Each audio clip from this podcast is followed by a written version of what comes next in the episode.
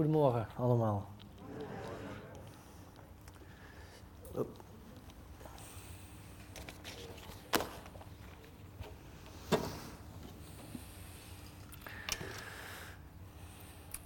Ehm, voor degenen die mij kennen, die weten inderdaad dat ik ontspoord was.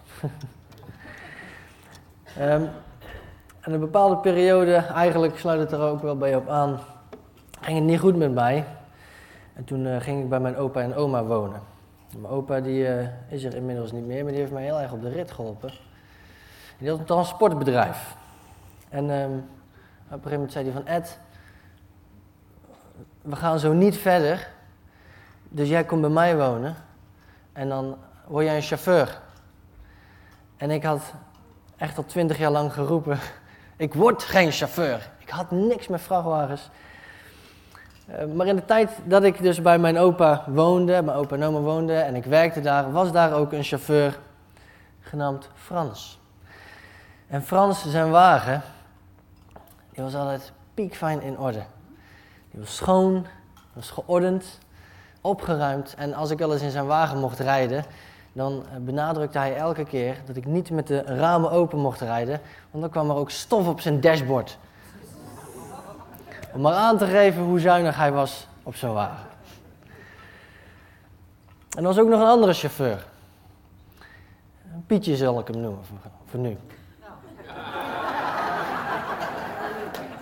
Sorry. Maar je bent geen chauffeur. Een Pietje die heeft. Maar deze Pietje. Die had veruit de meest gore vrachtwagen van allemaal. In zijn cabine hing een stinklucht. De asbak die peilde zomaar over, dus het was niet alleen stof dat op dat dashboard lag. Het stuur plakte en dat bed dat je in die cabine had, want je kunt ook overnachten in zo'n vrachtwagen, dat werd eens in het half jaar verschoond, met geluk. Ja. En op een mooie zomerdag kwam mijn opa naar mij toe. En hij vroeg aan mij of dat ik ook die wagen van Pietje eens grondig schoon wilde maken. En bij Frans, ik mocht Frans, ik maakte zijn wagen wel eens schoon, hoorde ook bij mijn werk. En dat vond ik ook fijn, om zijn wagen nog net iets schoner achter te laten dan dat hij eigenlijk al was. Maar toen mijn opa dat vroeg van Pietje, was ik echt verontwaardigd. Ik, wat? Hij, hij doet niet eens zijn best om, om die wagen schoon te maken of om er iets aan te veranderen. En dan moet ik zijn rotzooi opruimen. Bekijk het maar. Maar toen veranderde de houding van mijn opa. Mijn opa was 2 meter plus, groot in omvang, baard en een bos witte krullen. En hij boog voorover naar mij terwijl hij me strak aankeek en hij vroeg mij: Voor wie werk jij? Werk jij voor hem of werk jij voor mij? Hij zegt: Ik vraag jou mijn wagen schoon te maken. Wie er in die wagen reed, deed het dus niet toe. En vandaag gaan we het hebben over mensen die rotzooi in je leven achterlaten, over de pietjes in je leven. En voor degenen die een Bijbel bij hebben, uh, wil ik vragen of dat ze Lucas 6 erbij kunnen pakken. We zullen kijken naar een paar Bijbelteksten, allemaal uit Lucas. En dan vers, uh, hoofdstuk 6, vers 20. Een stukje lezen.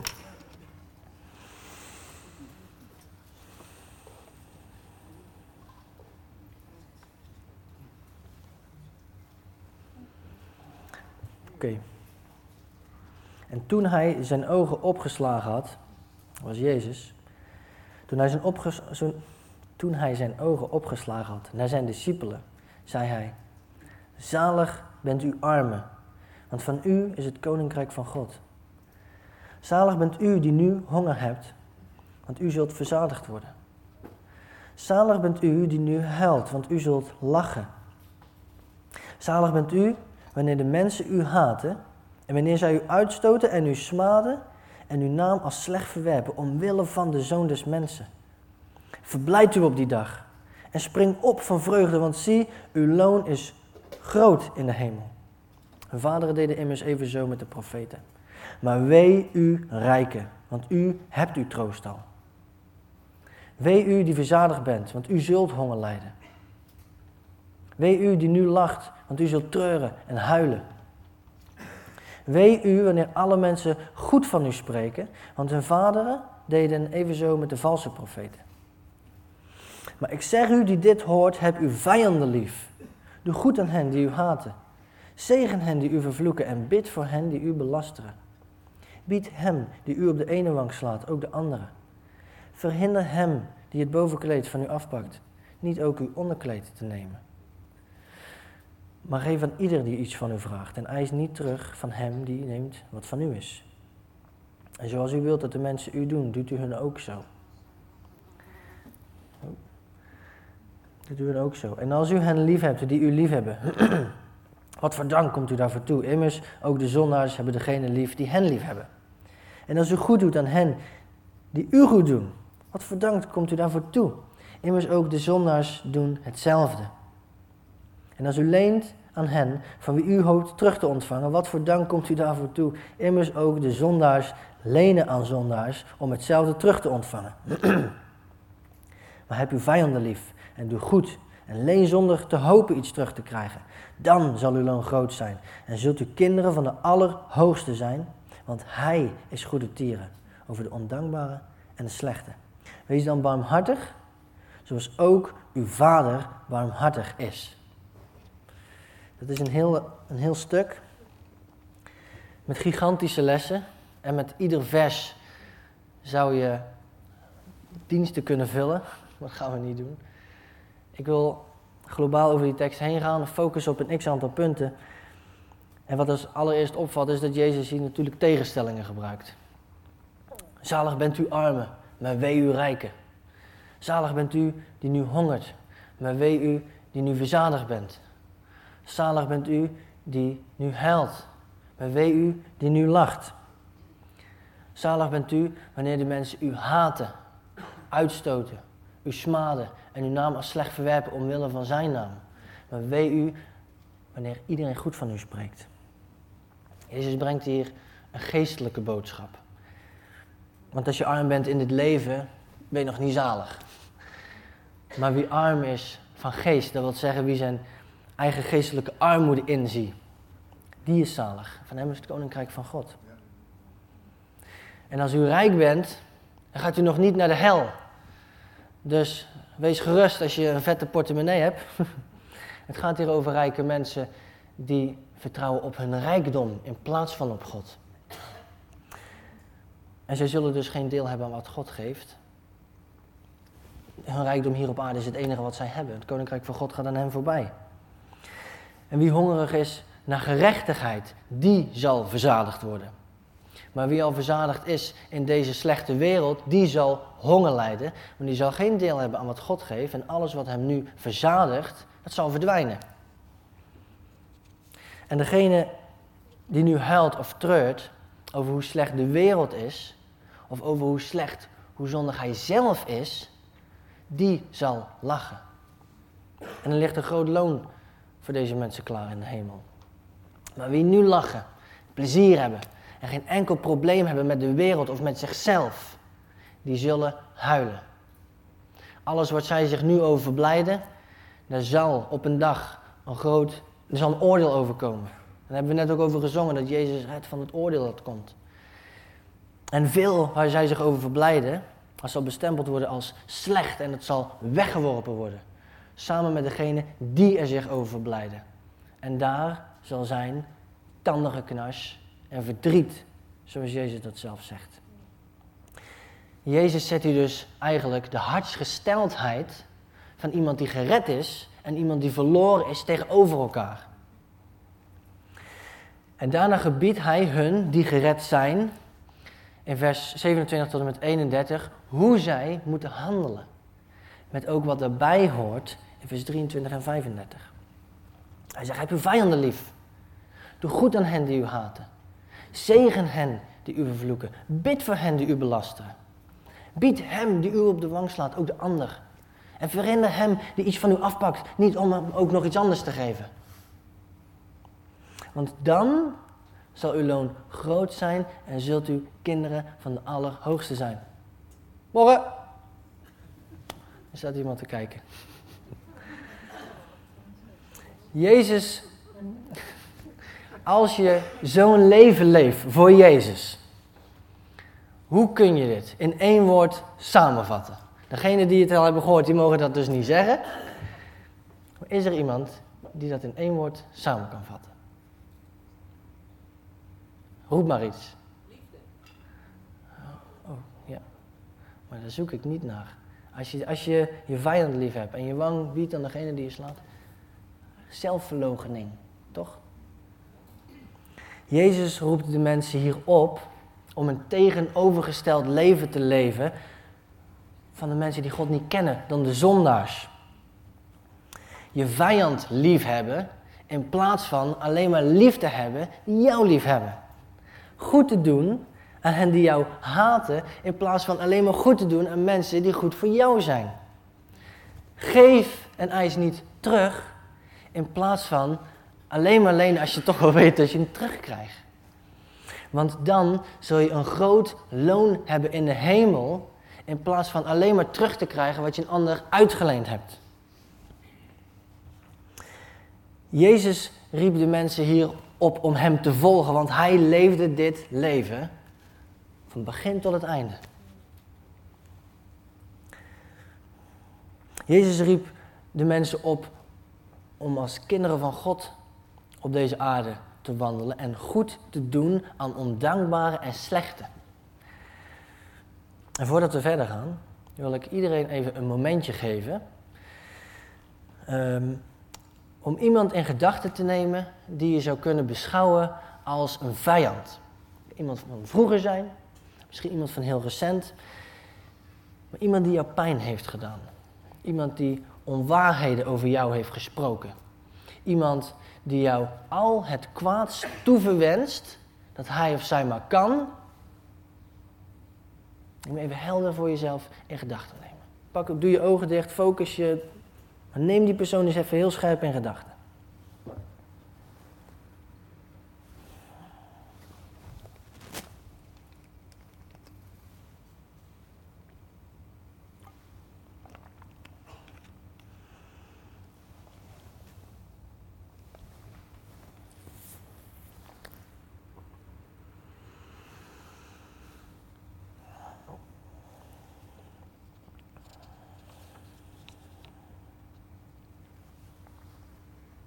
Oké. Voor degene die niemand in gedachten kon nemen, zou ik zeggen: denk aan iemand die afsneed in het verkeer. Een vervelende buurman of een buurvrouw. De hangjongeren in je dorp, dat doet ook vaak wel goed. Iemand in ieder geval die jou veel ergernis geeft. En dan krijgen al die personen nu even de naam Pietje. En dan gaan we opnieuw luisteren naar de woorden van Jezus.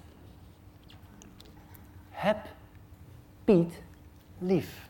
Heb die persoon lief. En dan kan het ineens helemaal veranderen, want dan komt het ineens heel dichtbij. Want hoe kan ik Piet nu lief hebben? Hoe kan ik nu. Ik kan toch ook niet bepalen wat ik voel? Hoe kun jij nu iemand lief hebben die jou bewust pijn heeft gedaan?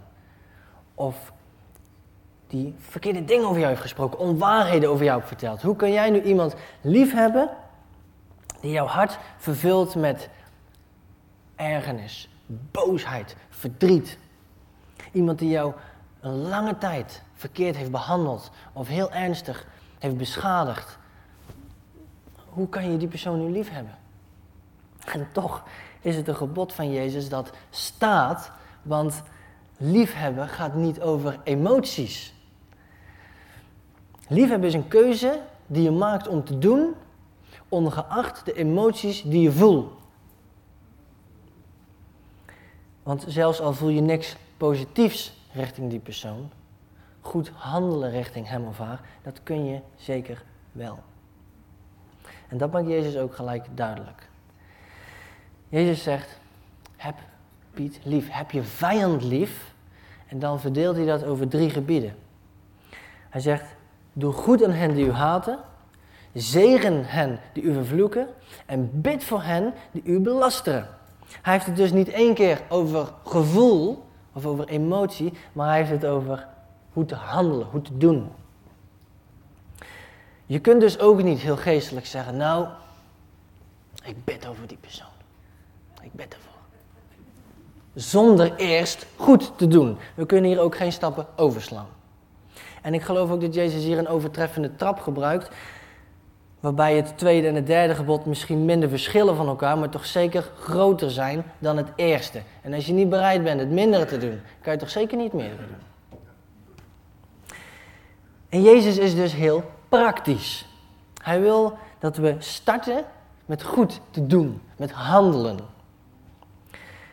Voordat we iets anders doen. Het is dus gewoon die gore wagen induiken, hem grondig schoonmaken, zonder verwijt en zonder ergernis.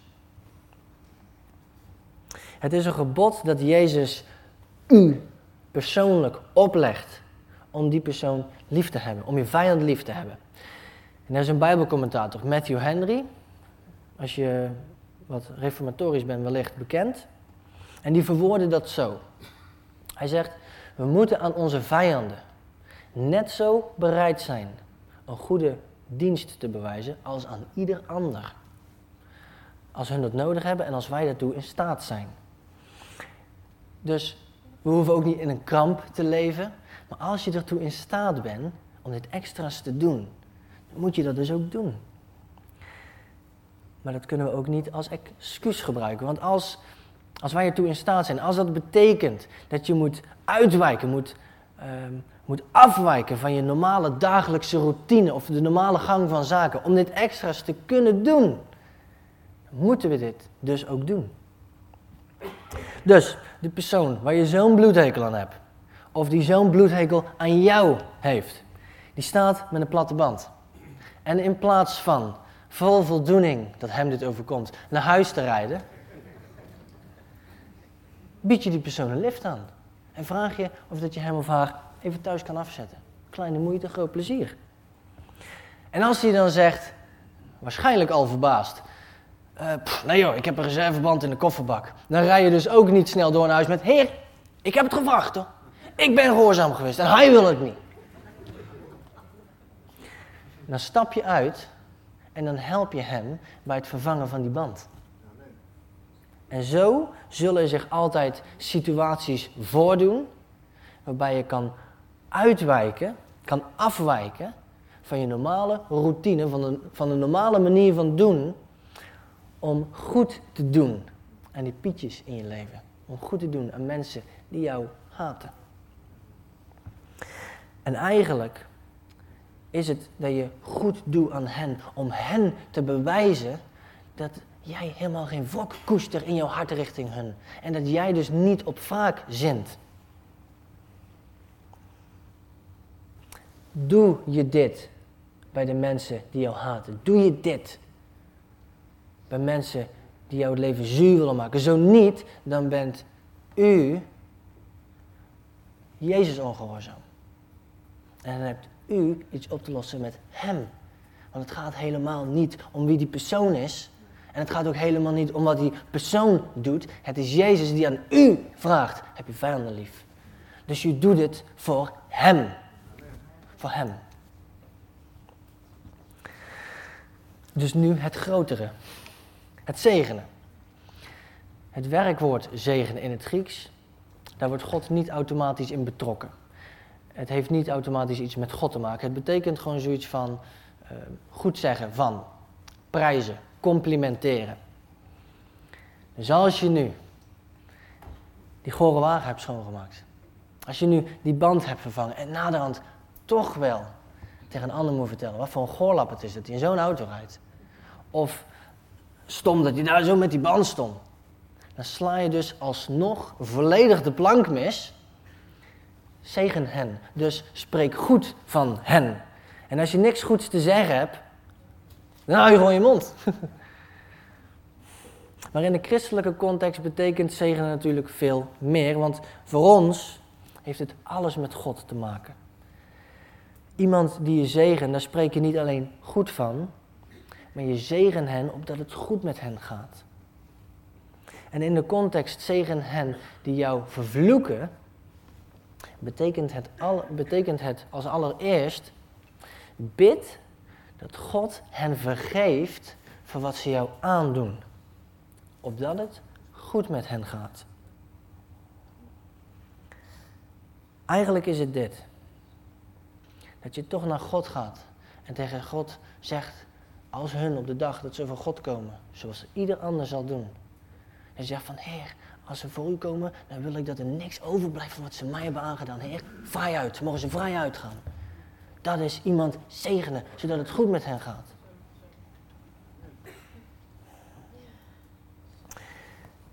Het betekent dat jij dus hun zonde bij God brengt onder verzachte omstandigheden. En daar komen we straks nog kort op terug. Het gaat erom dat u de personen die u vervloeken, zegenen met al het goeds dat God voor hen heeft. Dat u bij God pleit. Dat Hij hun zegent door hun te vergeven en er helemaal niks meer van zal gedenken. Ze jou aangedaan. Ik zeg hiermee niet dat er geen ruimte is voor pijn en verdriet, want het is er zeker wel. Dat moet je ook bij God brengen, dat wil Hij ook. En er zijn ook situaties van pesten, uh, mishandeling, misbruik, waarbij dit wel een hele zware boodschap is, die uh, misschien liever je oren dicht wil stoppen. Ondanks al je pijn en je verdriet, gebied Jezus je om de mensen die je pijn hebben gedaan, en zelfs mensen die jou nog steeds al dat slechts toeverwensen, om hen te zegenen. Het enige gebed in heel de Bijbel wat Jezus zijn discipelen zelf leert, bevat niet voor niets: Vader, vergeef ons onze zonde op dezelfde manier zoals wij anderen hun zonde vergeven, wat ze ons aandoen. Maar goed, als je merkt dat je hierin faalt, wat niet raar is, dan kun je Hem bidden om hulp. Dat je je bekeert van je ongehoorzaamheid aan Hem. Maar zegen hen. Zegen hen.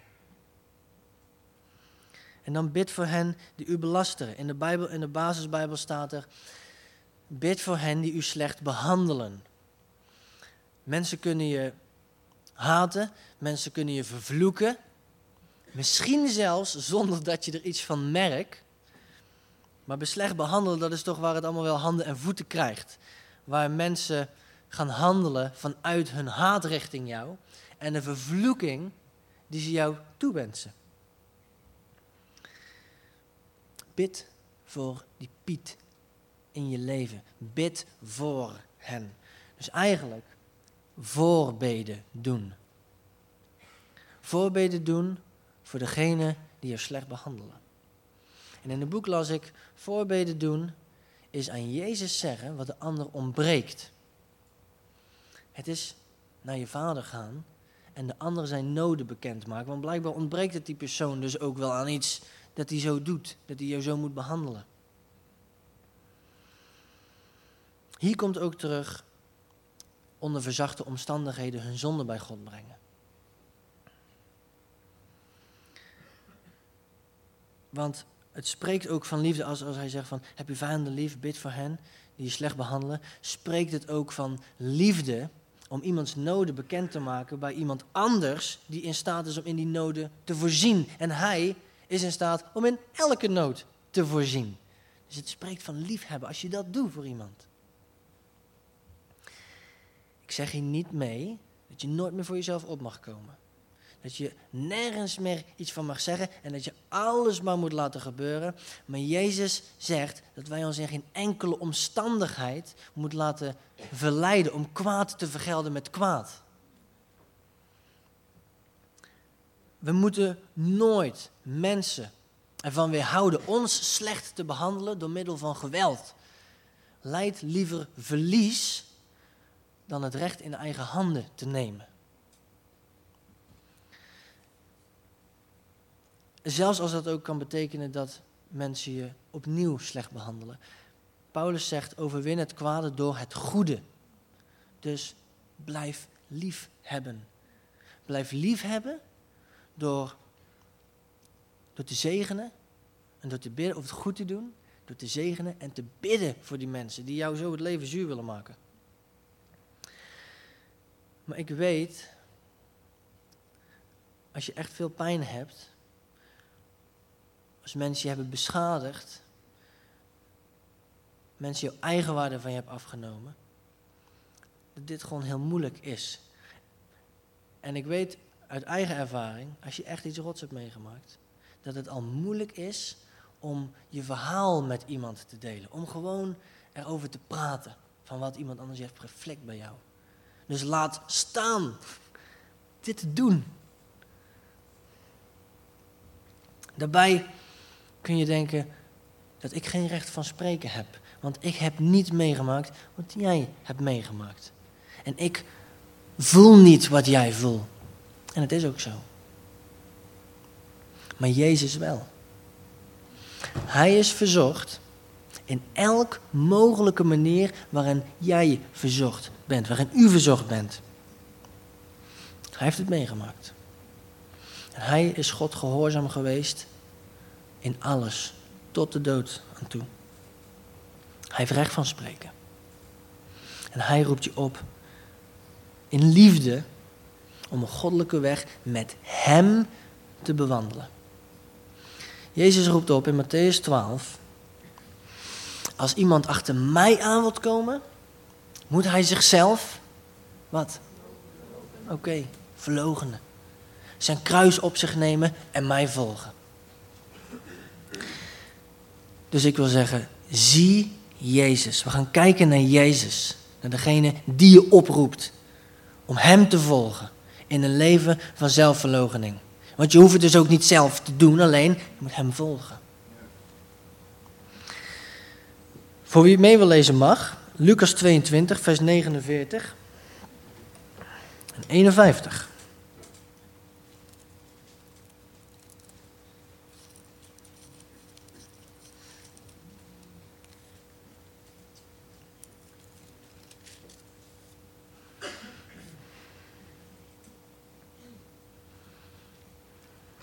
Gebeurde in het hof van Gethsemane, toen Jezus verraden werd. En toen zij, dat zijn zijn discipelen, die bij hem waren, zagen wat er ging gebeuren, zeiden ze tegen hem, Heer, zullen wij met het zwaard op inslaan? En een van hen trof de dienaar van de hoge priester en sloeg hem zijn rechteroor af. Maar Jezus antwoordde en zei, laat hen hiertoe begaan. En hij raakte zijn oor aan en hij genas hem is dit niet de definitie van goed doen aan hen die haten? In plaats van die man gemarkeerd door het leven te laten gaan voor zijn misdaad en zijn haat richting Jezus, geneest hij hem. Hij bewees deze man een goede daad. Net zoals hij dat zou doen aan ieder ander. Omdat hij daartoe in staat was. En het zou geen zonde zijn geweest als hij die man gewoon had gelaten. Geen kwaad woord, gesproken, geen, uh, kwaad woord over hem gesproken, maar gewoon gelaten. Maar dat deed hij niet. Die man vroeg ook niet van, oh Jezus, wilt u me alstublieft genezen, want ik zie nu wel in dat ik fout was. Nee, hij deed het omdat hij ertoe in staat was. En hij week af van de normale manier van doen, om aan die man te tonen dat hij geen enkele wrok richting hem heeft. En dat hij dus helemaal niet op wraak zinde. En hij roept u op om hem te volgen. En denk hier eens over na. Als hij dit doet voor mensen die hem haten, die hem overleefden, om te doden. Wat zal hij dan doen voor u die hem volgt? Als u hem trouw volgt, vallen en opstaan, elke keer opnieuw, dan heeft hij een groot loon. Het koninkrijk van zijn vader. Waar je verzadigd zult zijn, waar je zult lachen. En alle pijn die je nu er mogelijk van probeert te weerhouden om hem te volgen, die zal vallen in het niets. Die zal vallen in het niks. En dan wil ik ook nog een keer kijken naar Lucas 23, vers 34. En dat is de laatste vers dat we zullen gebruiken.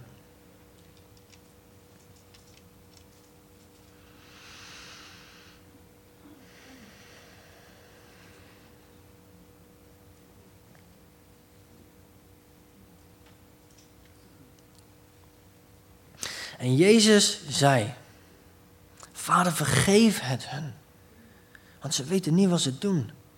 En ze verdeelden zijn kleren en wierpen het lot.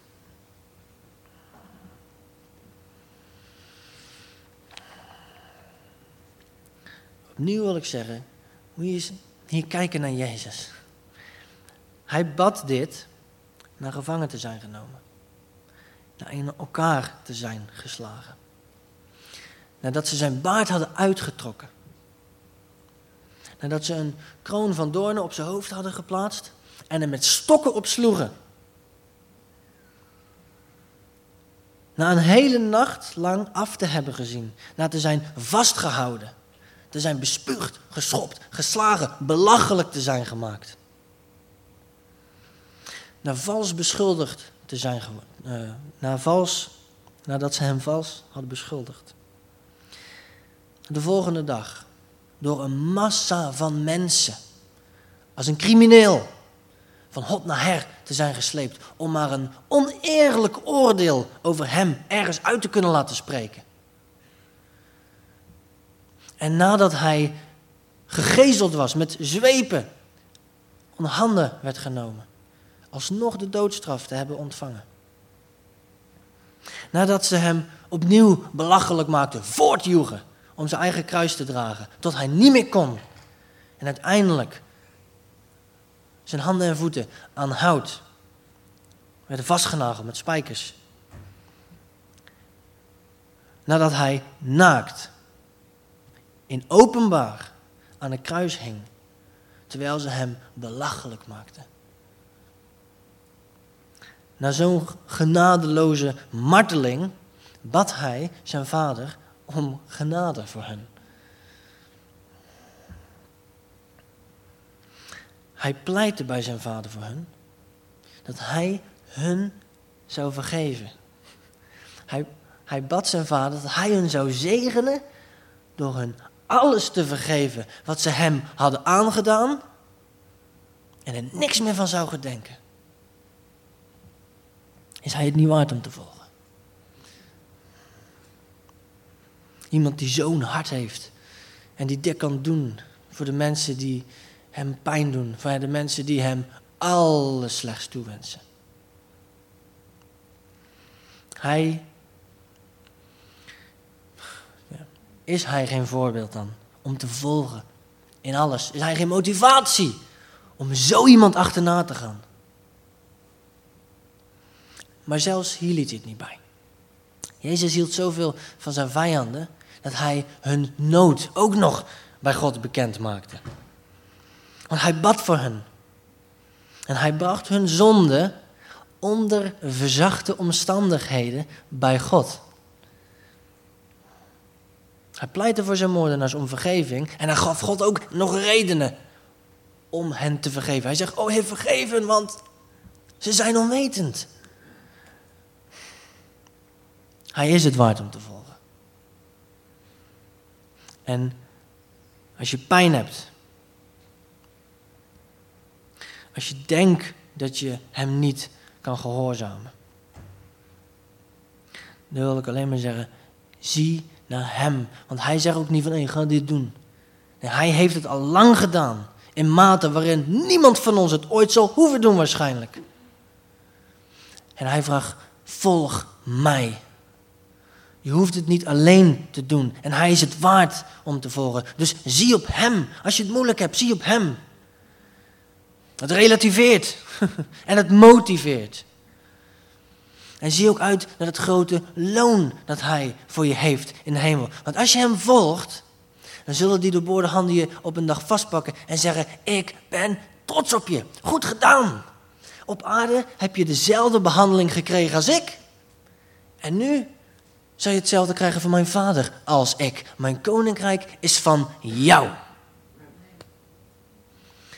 Verzadiging zonder eind. Nooit meer pijn. Nooit meer verdriet. Nooit meer angst. Nooit meer onveiligheid. Blijdschap niet te stoppen.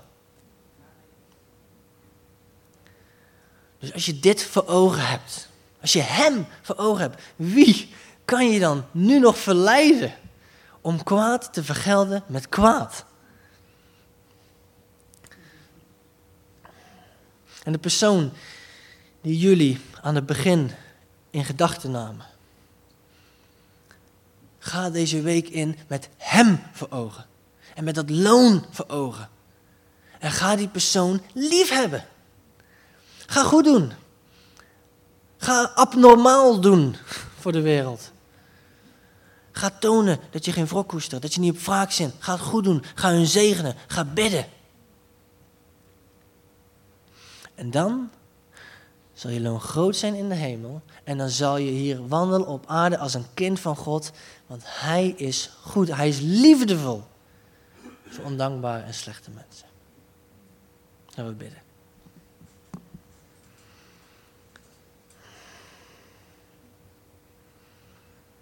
Heer Jezus, ik wil u danken voor uw woord. Heer, wat u leert, wat tegen alles ingaat van deze wereld. Heer, en dat u wilt dat wij u volgen. Babystapjes, Heer, per keer soms. Ja, maar dat we u volgen. Heer, we zijn nergens zonder u. Ik ben nergens zonder u. Heer, en ik wil u bidden voor een ieder hier, die hier zit, die u kent. Misschien zelfs die u nog niet kent. Dat u een kracht geeft, dat u hun ogen opent voor wie u bent. Wat u hebt gedaan. Dat u hen bij de hand wil nemen. En dat ze dat grote loon voor ogen mogen hebben. En dat niemand hen ooit nog zou kunnen verleiden om zich te verlagen om te wandelen als een zondaar. Heer, om als kinderen van u hier te wandelen. Heer Jezus, dat ze gezegend zijn en tot zegen zullen zijn. Ik bid dat u iedereen toe, Heer. Maar het is uw werk, het is uw kracht, want zonder u is dit enkel maar een, een praatje. Wij vragen dit u in uw naam. Amen.